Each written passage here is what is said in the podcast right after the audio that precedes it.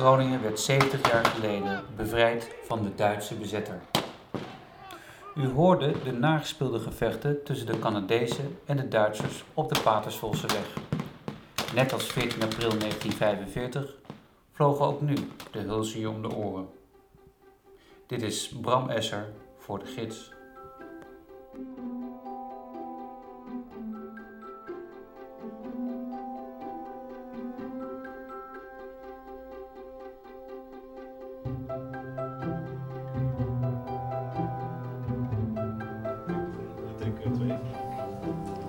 Welkom bij de tweede officiële podcast van De Gids. Ik zit hier in Café de Pels in Amsterdam, naast Rob van Essen, Thomas Heerma van Vos, Eva de Wit, Daniel Cornelissen, Renske van Enkevoort, Willem Sjoerd van Vliet. En zometeen komt nog Absaline Hehakaya. Ikzelf ben Dirk Vis. Zojuist hoorde u 30 seconden uitgekozen door Bram Esser. Nu gaan we luisteren naar het verhaal Scheer een zwerver, wat in de gids nummer 2 van 2015 stond door Rob van Essen. Hij is hier zelf om het voor te lezen. Alsjeblieft. Dankjewel. Scheer een zwerver. Het restaurant had een 8,5 gekregen in de krant. We waren het erover eens dat dit cijfer volkomen verdiend was. De wijn was ook goed geweest. En toen we naar buiten liepen, stapten we over die zwerver heen. Niet doen, riep de zwerver, dat brengt ongeluk. We schrokken, we hadden gedacht dat hij sliep of dat hij dood was. Wat brengt ongeluk? vroeg Floris. Over een dakloze heen stappen? Wat is het ergste wat ons kan overkomen? Dat we alles kwijtraken en naast jou komen te liggen? Nee, zei de zwerver, dat is het ergste wat mij zou kunnen overkomen. Daar moesten we toen erg om lachen, verbaasd. Alsof we nooit hadden gedacht dat een zwerver een gevat antwoord zou kunnen geven. En geef toe, je verwacht het ook niet. Het had veel meer voor de hand gelegen dat de man iets vaags had gebromd, waarna we onze weg hadden vervolgd zonder ooit nog aan hem te denken.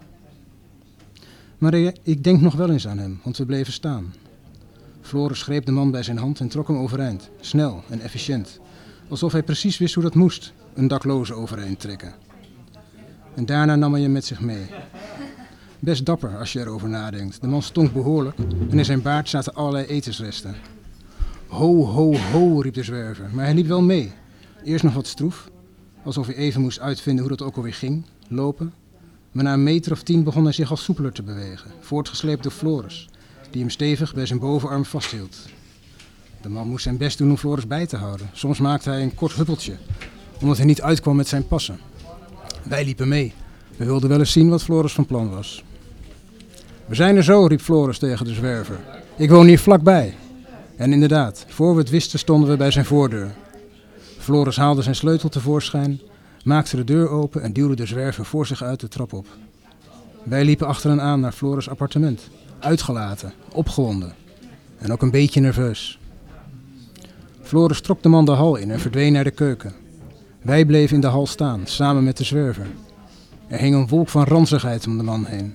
We vielen bijna flauw van de stank en ik dacht nog, als we hier lang blijven staan gaat die geur in onze kleren zitten.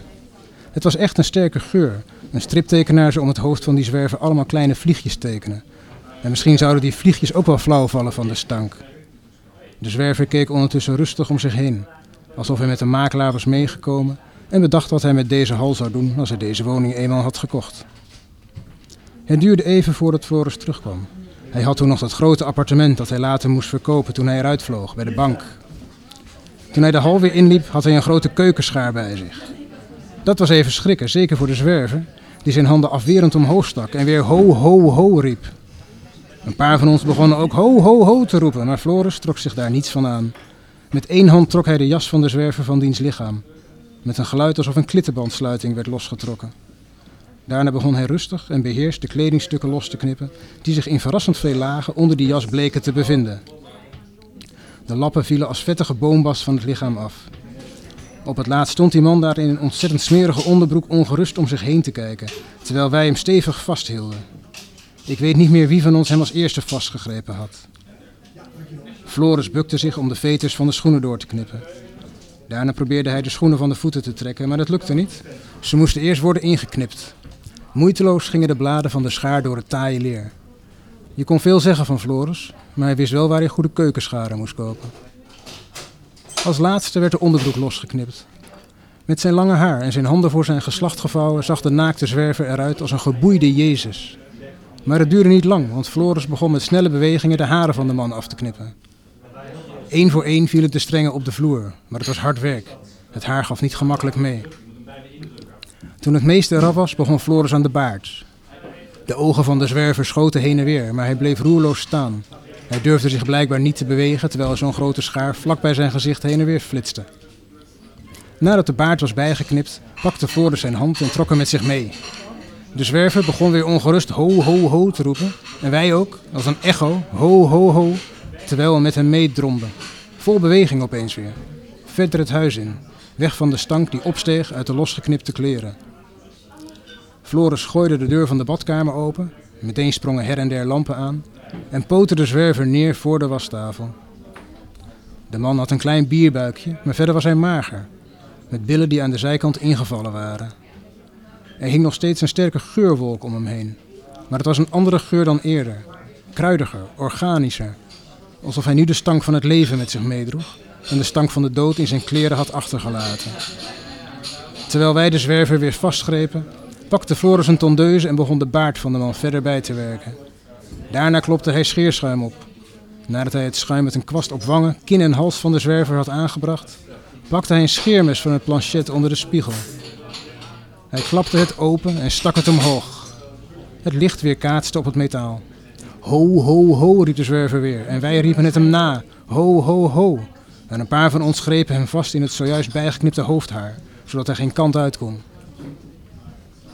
Floris deed een stap naar voren. Met langzame, geconcentreerde bewegingen begon hij te scheren. Niemand riep meer iets. Er hing een vreemde stilte in de badkamer, alsof er straaljagers waren overgevlogen en de hemel nu leeg was. Het enige wat je hoorde was het geschraap van het mes.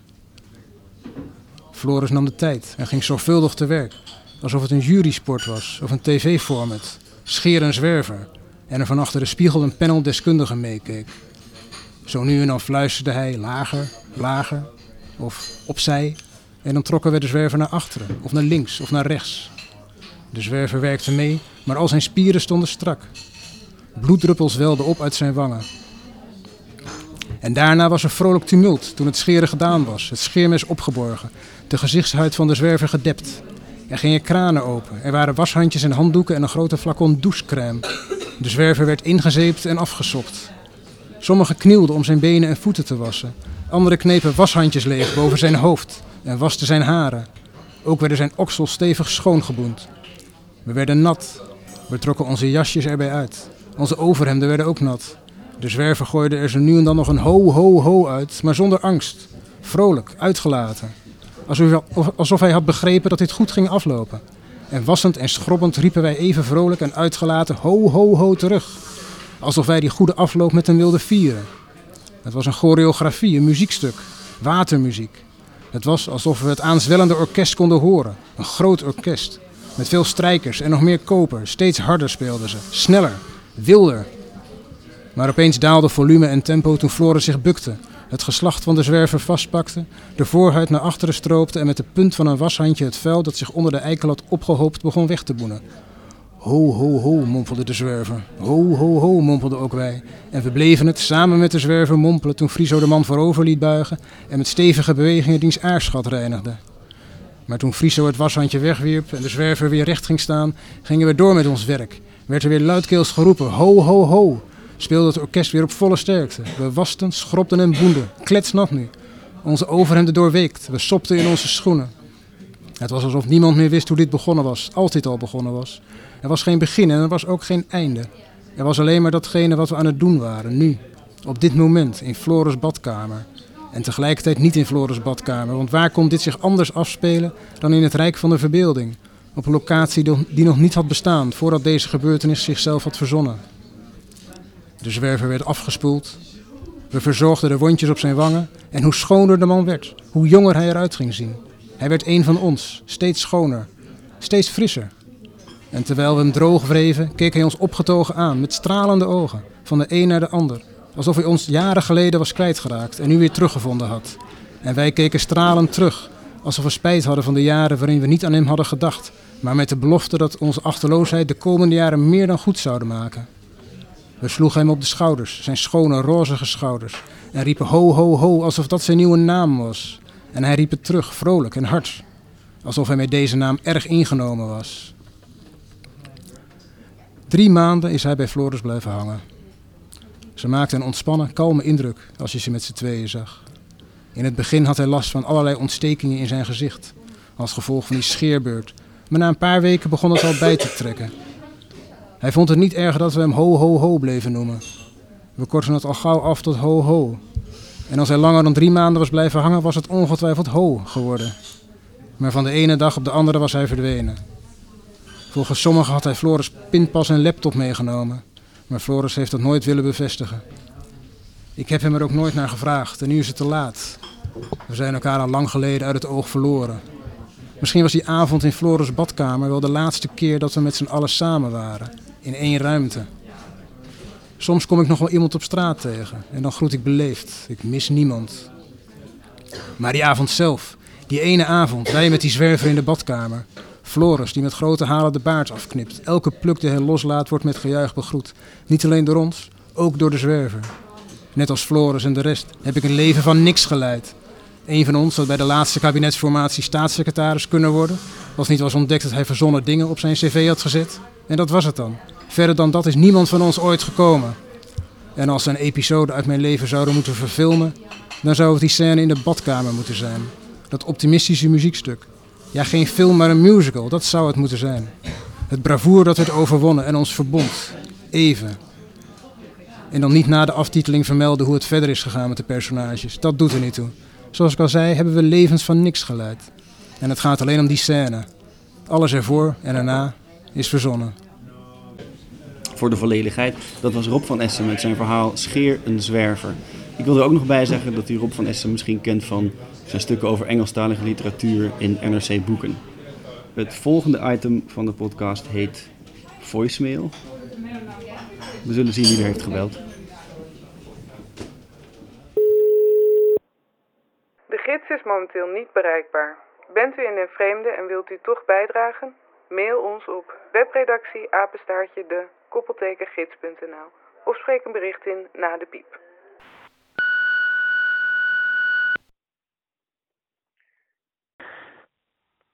In Knollenland. Op sommige dagen mogen de mensen vrij wandelen. Hier in Knollenland. Op sommige dagen mogen de jagers vrij schieten. Kijk, het bestuur heeft daartoe de regels royaal verruimd en een verhaal bedacht over het belang voor iedereen. Hierdoor is alles prima in orde, behalve op de doorsneedagen dat die twee elkaar kruisen. In het groenste groen groen. En het knallen niet van de lucht is.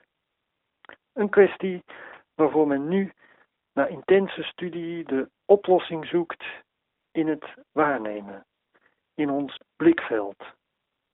Want visie is iets, zo heeft men bedacht, dat zich tussen indruk en begrip tussen bomen en bos schuift. Visie is in de optiek van het bestuur een olifant die het uitzicht beneemt. Dus moet nu iedereen in die dagen een grijze bril op, krijgen wij alle gratis vrij betalen en gaan de hekken tussen wandelpark en dierentuin los. Maar de konijnen en de hazen, hoe passen die in dit plaatje? Geen probleem. Die blijven dan gewoon de hele nacht staren in de lichtbakken tot de dageraad aanbreekt en de ochtend over de paviljoens en de recreatievelden uitstroomt.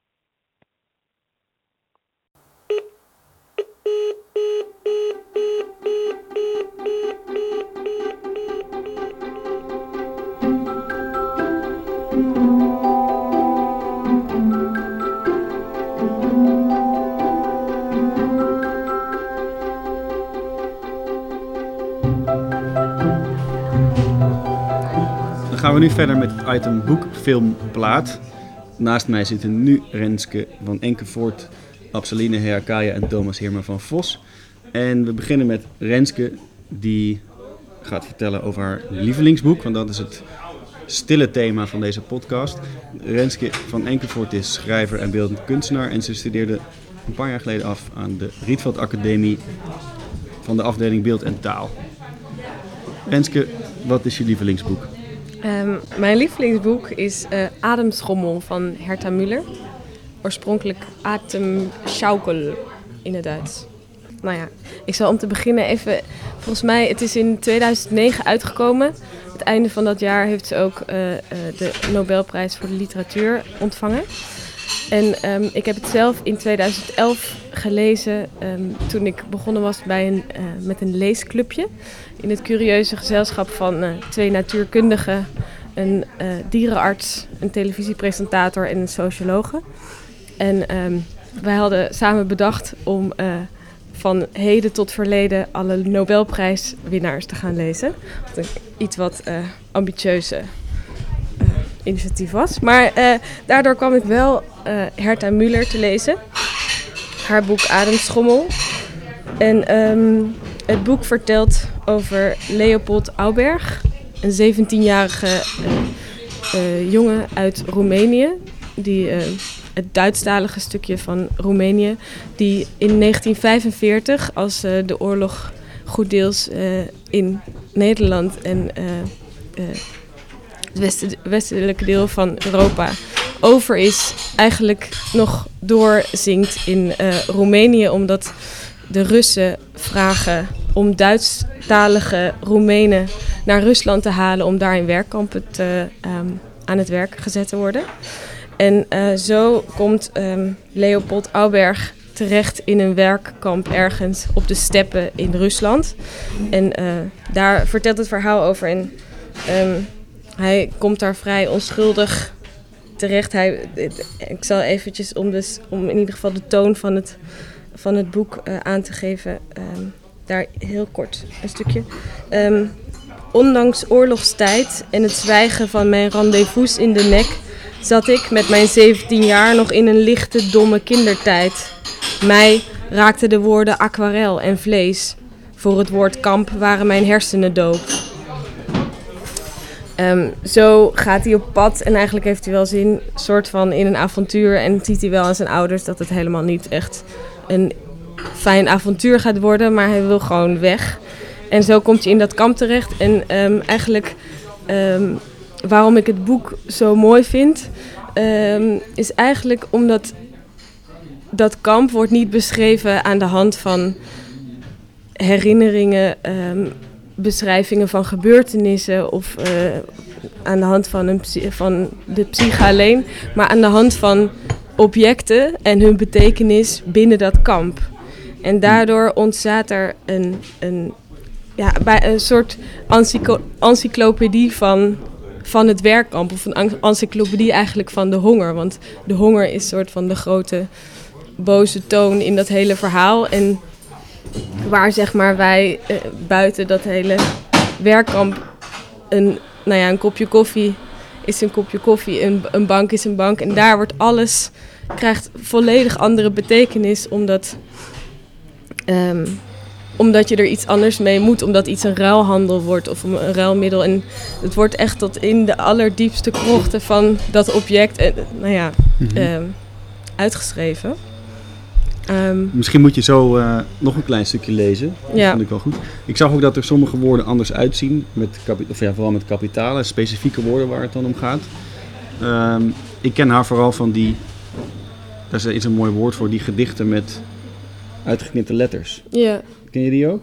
Nou, ik, nee, ja, ik weet dat ze het heeft gedaan, maar ik heb ze nooit zo als. Ik heb ze in een documentaire wel gezien dat ze ze aan het verleggen was. Dat ze inderdaad gewoon in kranten zo woorden vindt en dat ze een soort van de rijkdom. wa- waarom, ze dat, waarom ze dat dan doet, is dat ze dus de fysieke kracht van een woord en die iemand je niet gaat afnemen. Dus dat de, zeg maar heel veel objecten kunnen hier worden afgenomen, ook in die dictatuur waar zij zelf eh, eh, onder heeft geleefd van eh, Ceausescu Mhm. in Roemenië, is, heeft ze op een gegeven moment zo, maar als ik die letters uitknip en daar mag ik van alles van maken, die, daar, daar gaat niemand iets mee doen. En ehm, Ja, ja. dus dat weet ik van haar, maar dus ehm, daar zal ook, eh, ik weet niet of je Ja, nog nee. iets wilde vragen of Nee, dat ik nee, vind ik inderdaad een mooi. stukje Dat vond ik heel mooi.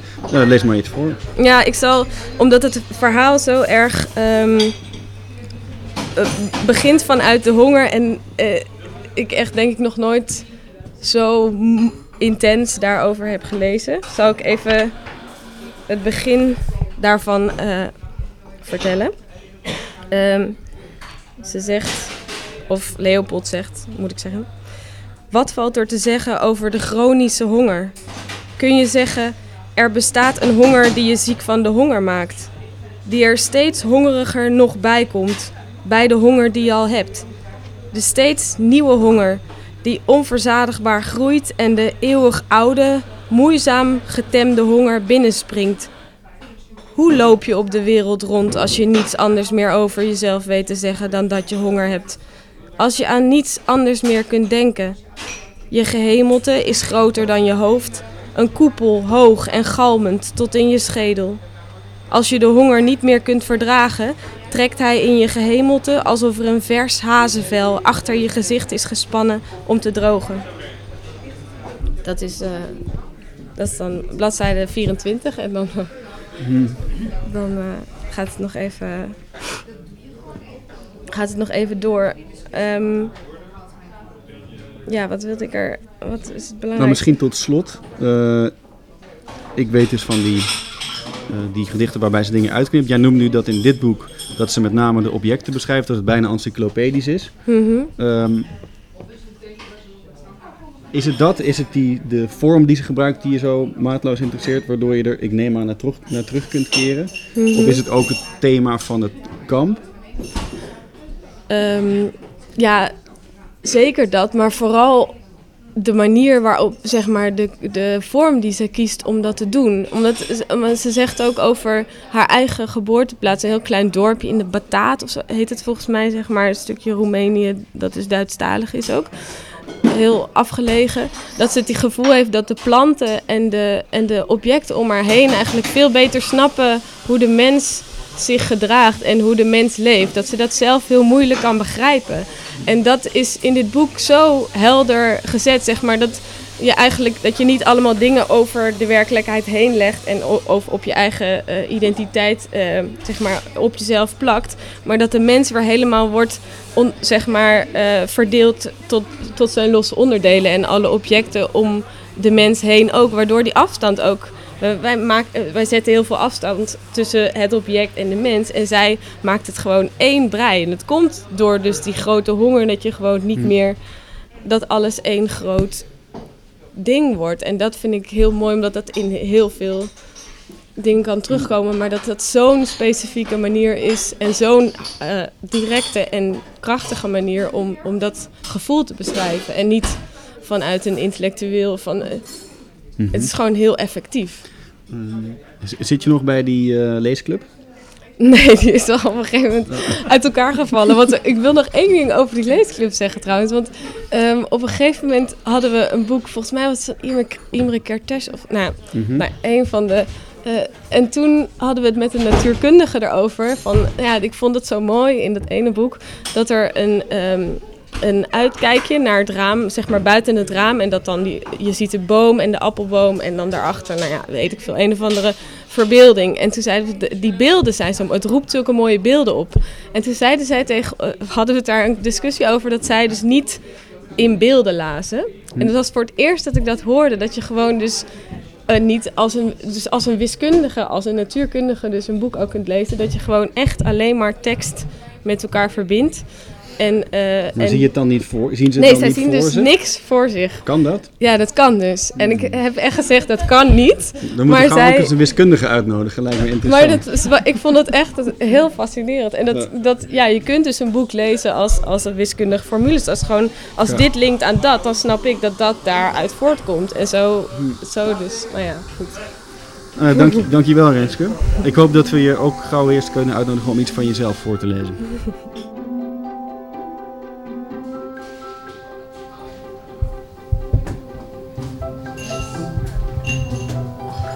nu luisteren naar Abseline Hehakaya over haar lievelingsfilm.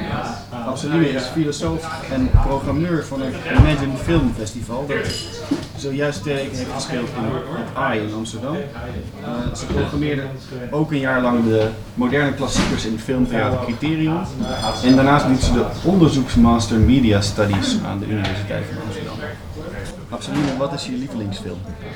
Ehm, nou, als een lievelingsfilm, als dat een soort van je geliefde is, dan ben ik een beetje een sloerie. Want ehm, als je zo van film houdt, dan heb je eigenlijk eh, ieder moment wel een andere lievelingsfilm.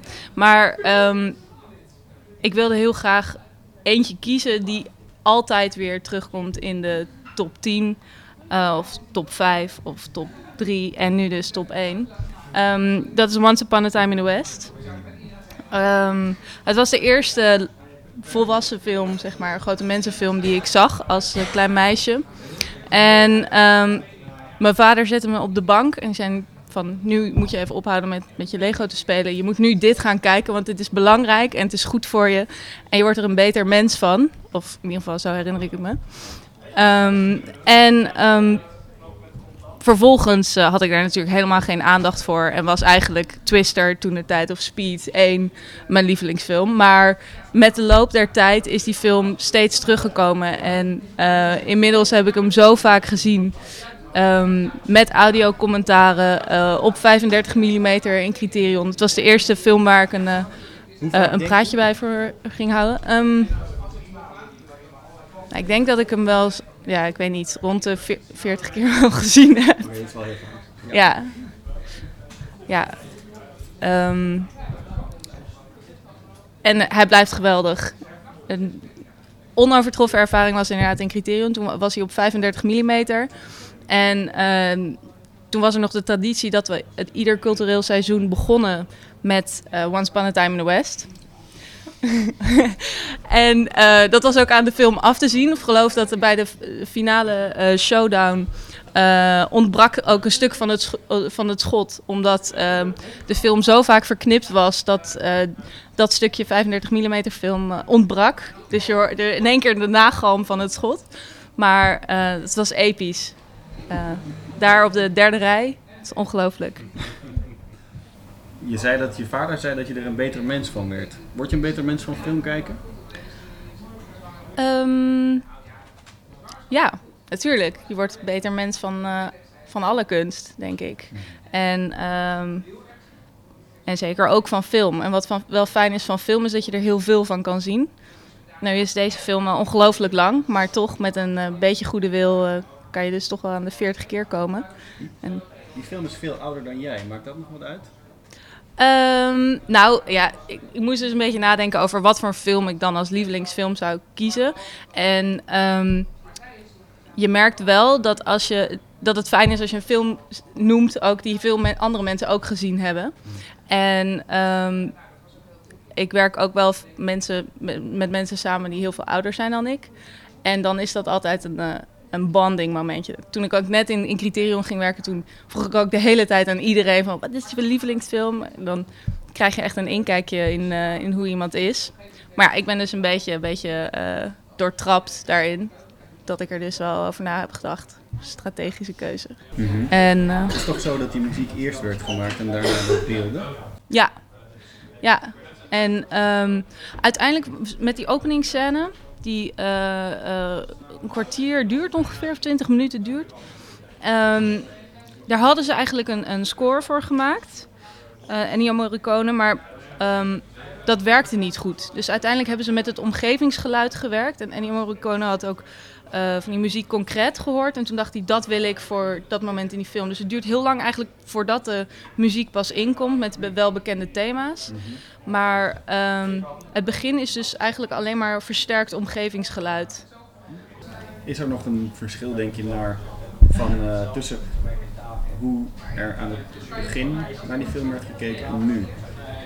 Hij was laatst weer te zien in het hoorde ik net. Ehm, is er een verschil in?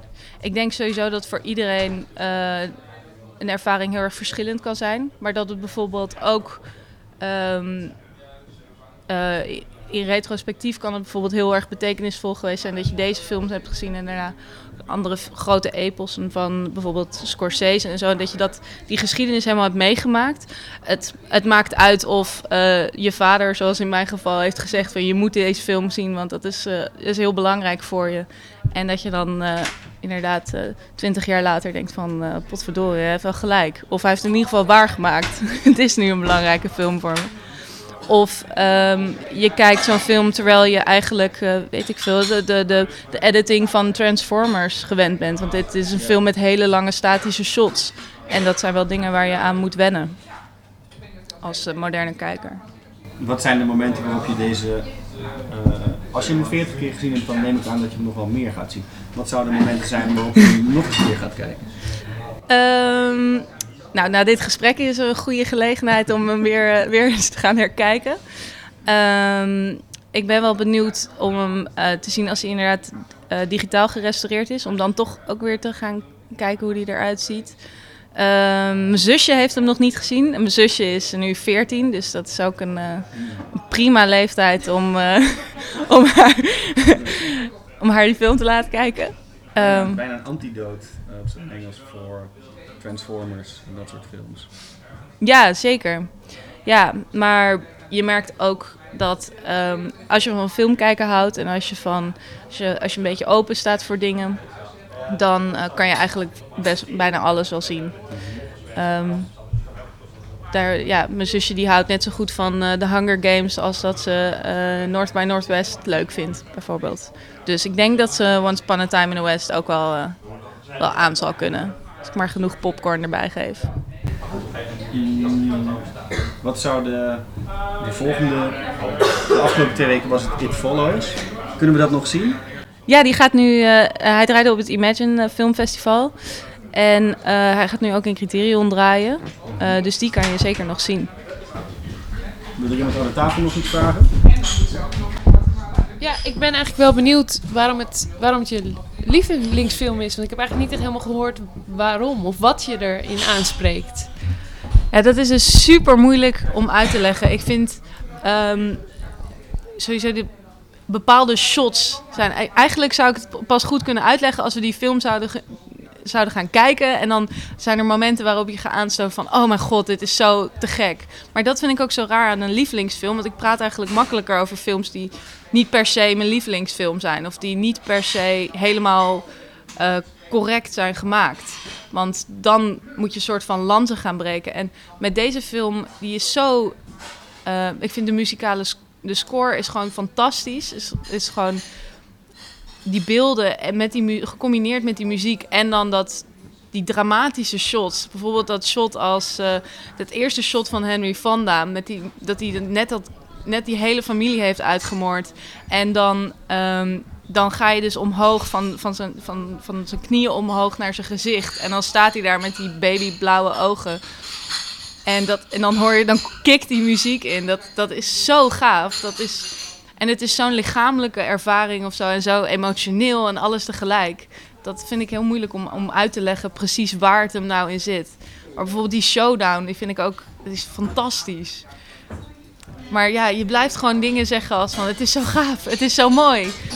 Omdat, ehm, ja, het is niet een verhaal over, ehm, het is niet een soort van een, een intellectuele, eh, grensverschuivende ehm, ervaring. Het is juist heel erg, ehm, heel persoonlijk. Heel, ja, heel fysiek en heel erg...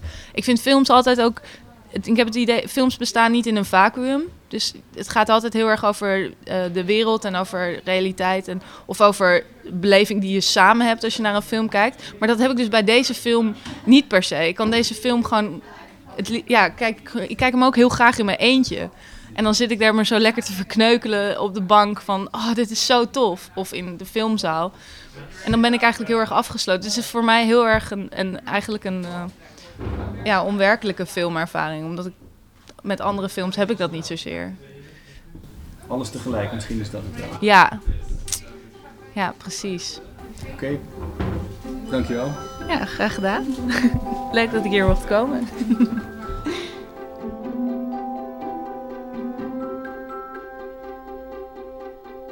Dan zal nu Thomas Hemmer van Vos iets vertellen over zijn lievelingsplaat. Thomas is schrijver en over drie weken komt een nieuw boek van je uit, toch?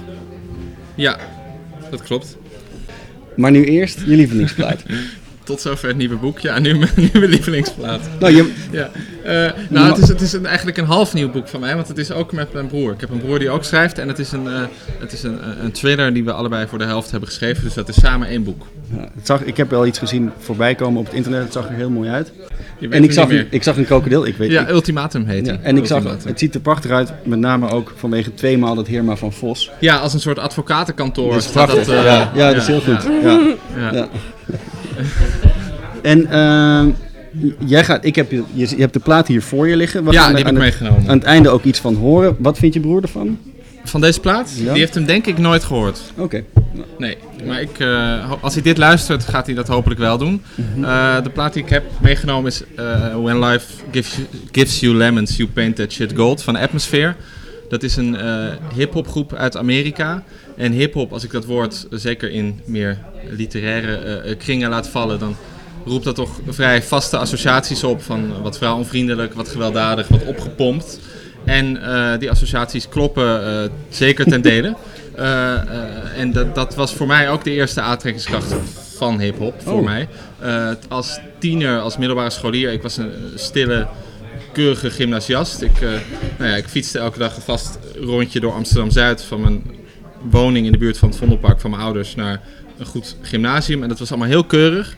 En ik luisterde eigenlijk alleen maar naar hele funzige, opgepompte eh hip-hop. En dat vond ik echt fantastisch. Eh, ik genoot daar zeer intens van. En niet als een soort escapisme, maar er zat een soort rebellie in, een soort agressie, een soort woede die ik helemaal niet kende, maar die me wel direct heel erg aanspraken en me ook overtuigden. En eh, nou ja, middelbare scholieren, zoals bekend, hebben die veel vrije tijd. En zijn die ook nog wat zoekende. En ik besloot toen, toen ik 15 was, een hip-hop site op te richten. En dus ik schreef eigenlijk voordat die site nog goed en wel begonnen was, schreef ik een mail naar alle labels die bestonden van stuur mij jullie muziek toe. En ik schrijf er een recensie over. En, en tot mijn verbazing trapten ook bijna alle labels daarin. Dus van de ene op de andere dag hoefde ik niet meer naar concerten om al mijn muziek te kopen. Maar kreeg ik gewoon per post alle nieuwe cd's. Waaronder deze cd in 2009 verschenen. Toen was ik dus al een paar jaar bezig. Van Atmosphere. En dit is eh, een cd die vooral zo goed is. Een album dat zo goed is. Omdat eh, het goed blijft naarmate je het vaak luistert. Dat is ook uiteindelijk mijn grote bezwaar tegen de wat meer oppervlakkige hiphop. Dat is vaak eh, op het eerste gehoor heel aantrekkelijk. Maar daar blijft als je tien keer luistert, voegt de tiende luisterbeurt niet meer zoveel toe. En hier, dit is een album dat zeer, zeer gelaagd is. Atmosphere is, ik zei het al, een duo uit Minneapolis in Amerika. En die hebben, omdat daar in die, in die buurt helemaal niks gebeurde, zelf een label opgericht. Zijn zelf alles begonnen en doen dit ook helemaal zelf. Eén producer, één rapper. Laat ik beginnen met de producer, eh Ant heet die.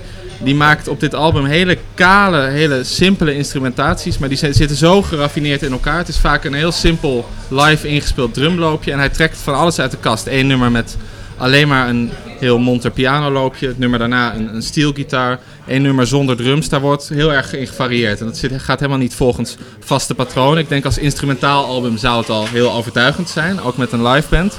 En wat het album voor mij echt interessant maakt, is wat er vervolgens met, eh, met die instrumentaties gebeurt. Welke raps er overheen gaan. Van Slug, dat is de, de verhalenverteller. En dat, die, gebruikt, eh, ja, die gebruikt al die instrumentaties echt om, echt om verhalen te vertellen. Dus niet om over zichzelf op te gaan scheppen. Maar het zijn dus eigenlijk, eigenlijk is dit een soort verhalenbundel.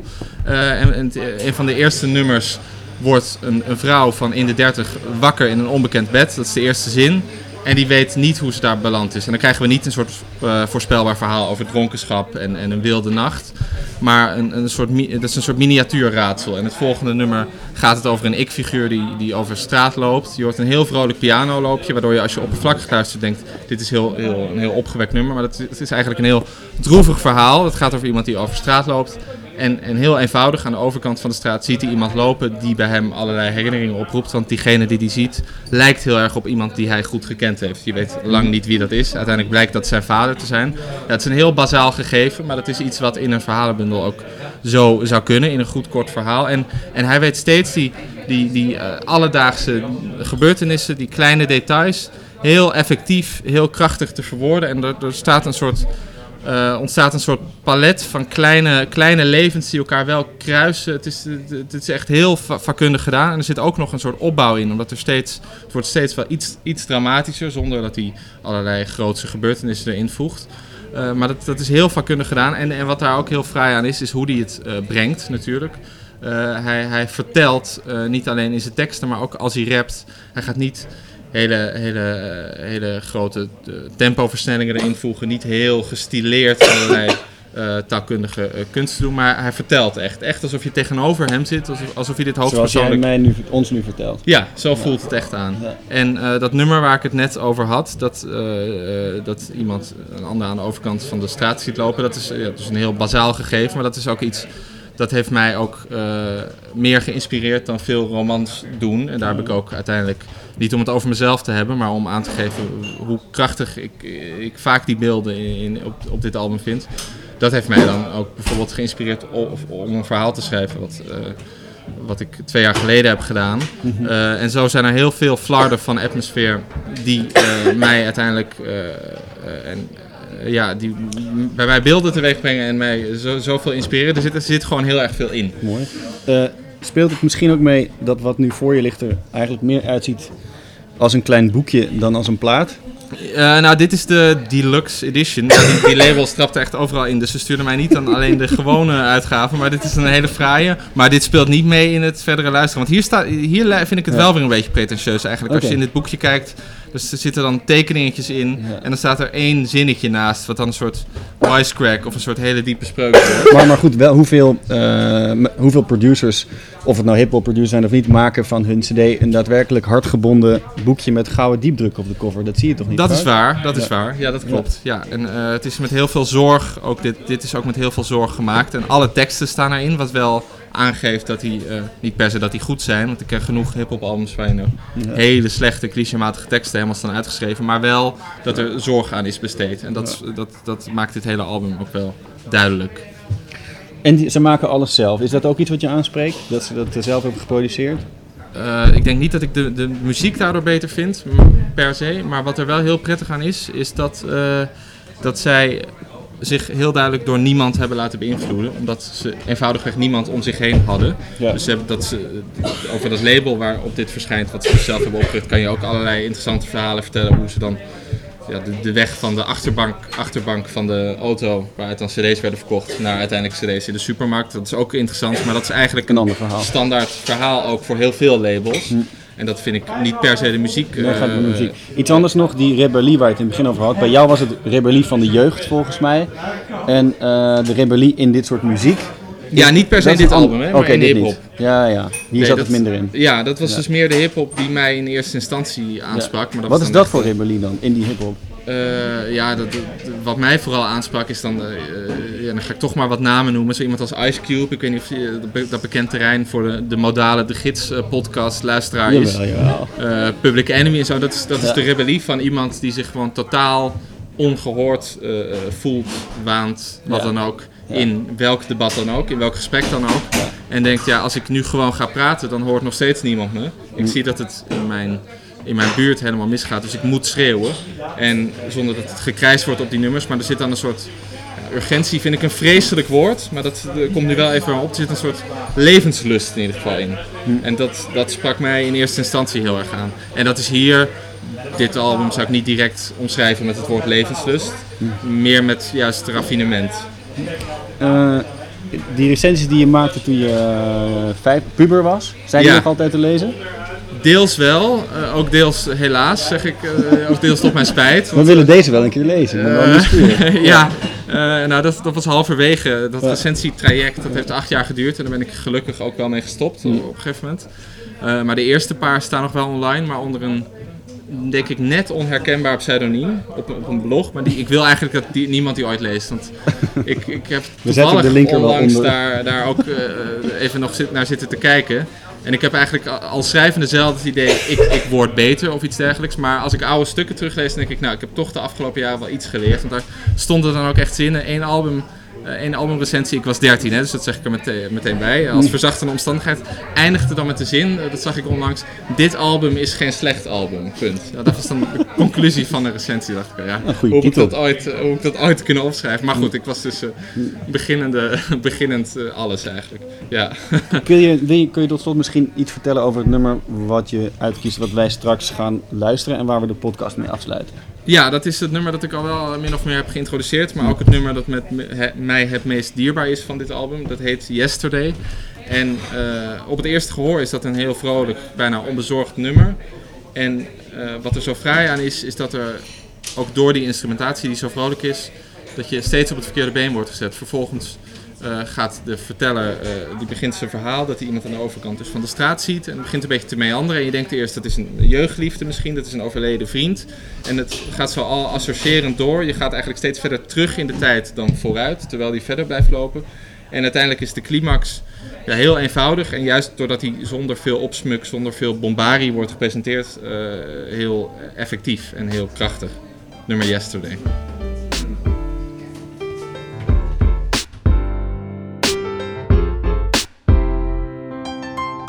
I thought I saw you yesterday, but I didn't stop cause you was walking the opposite way. I guess I could have shouted out your name, but even if it was you, I don't know what I would say.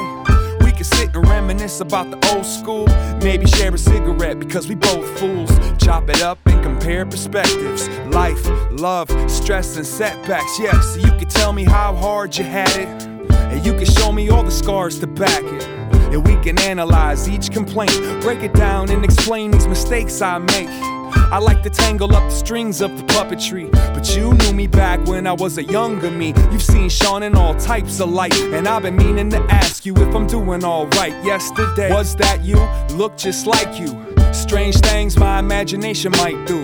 Take a breath, reflect on what we've been through. Or am I just going crazy cause I miss you? Yesterday, was that you? Look just like you. Strange things my imagination might do. Take a breath, reflect on what we've been through. Or am I just going crazy cause I miss you? I'm shook, I know. I pushed when I should've pulled. Took it all back if I could. I put that on my soul. And I would make a top notch good listener if you could block off a little time to give it here. Since we went our separate paths, I've hit a couple of snags that remind me of the past. I can't front, I'm having a blast. But damned if I ain't afraid of how long it's gonna last. Sitting here wishing we could kick it. Give me your opinions, I do miss the criticisms. I didn't mean to be distant, make a visit. I wait up and keep the coffee brewing in the kitchen. But who am I joking with? There's no way that you and I will ever get to reopen it. It doesn't matter, this is more than love. And maybe if I'm lucky, get to see you out the corner of yesterday. Was that you? Look just like you. Strange things my imagination might do. Take a breath, reflect on what we've been through. Or am I just going crazy cause I miss you? Yesterday. Was that you? Look just like you. Strange things my imagination might do. Take a breath, reflect on what we've been through. Or am I just going crazy cause I miss you? And when you left, I didn't see it coming. I guess I slept, it ain't like you was running. You crept out the front door slow, and I was so self absorbed I didn't even know. And by the time I looked up, it was booked up. Put it all behind you, the bad and the good stuff. A whole house full of dreams and steps. I think you'd be impressed with the pieces I kept. You disappeared, but the history is still here. That's why I try not to cry over spilled beer. I can't even get mad that you're gone. Leaving me was probably the best thing you ever taught me. I'm sorry, it's official. I was a fistful, I didn't keep it simple. Chip on the shoulder, anger in my veins has so much hatred. Now it brings me shame. Never thought about the world without you. And I promise that I'll never say another bad word about you. I thought I saw you yesterday, but I know it wasn't you, cause you passed away, Dad. look just like you. Strange things my imagination might do.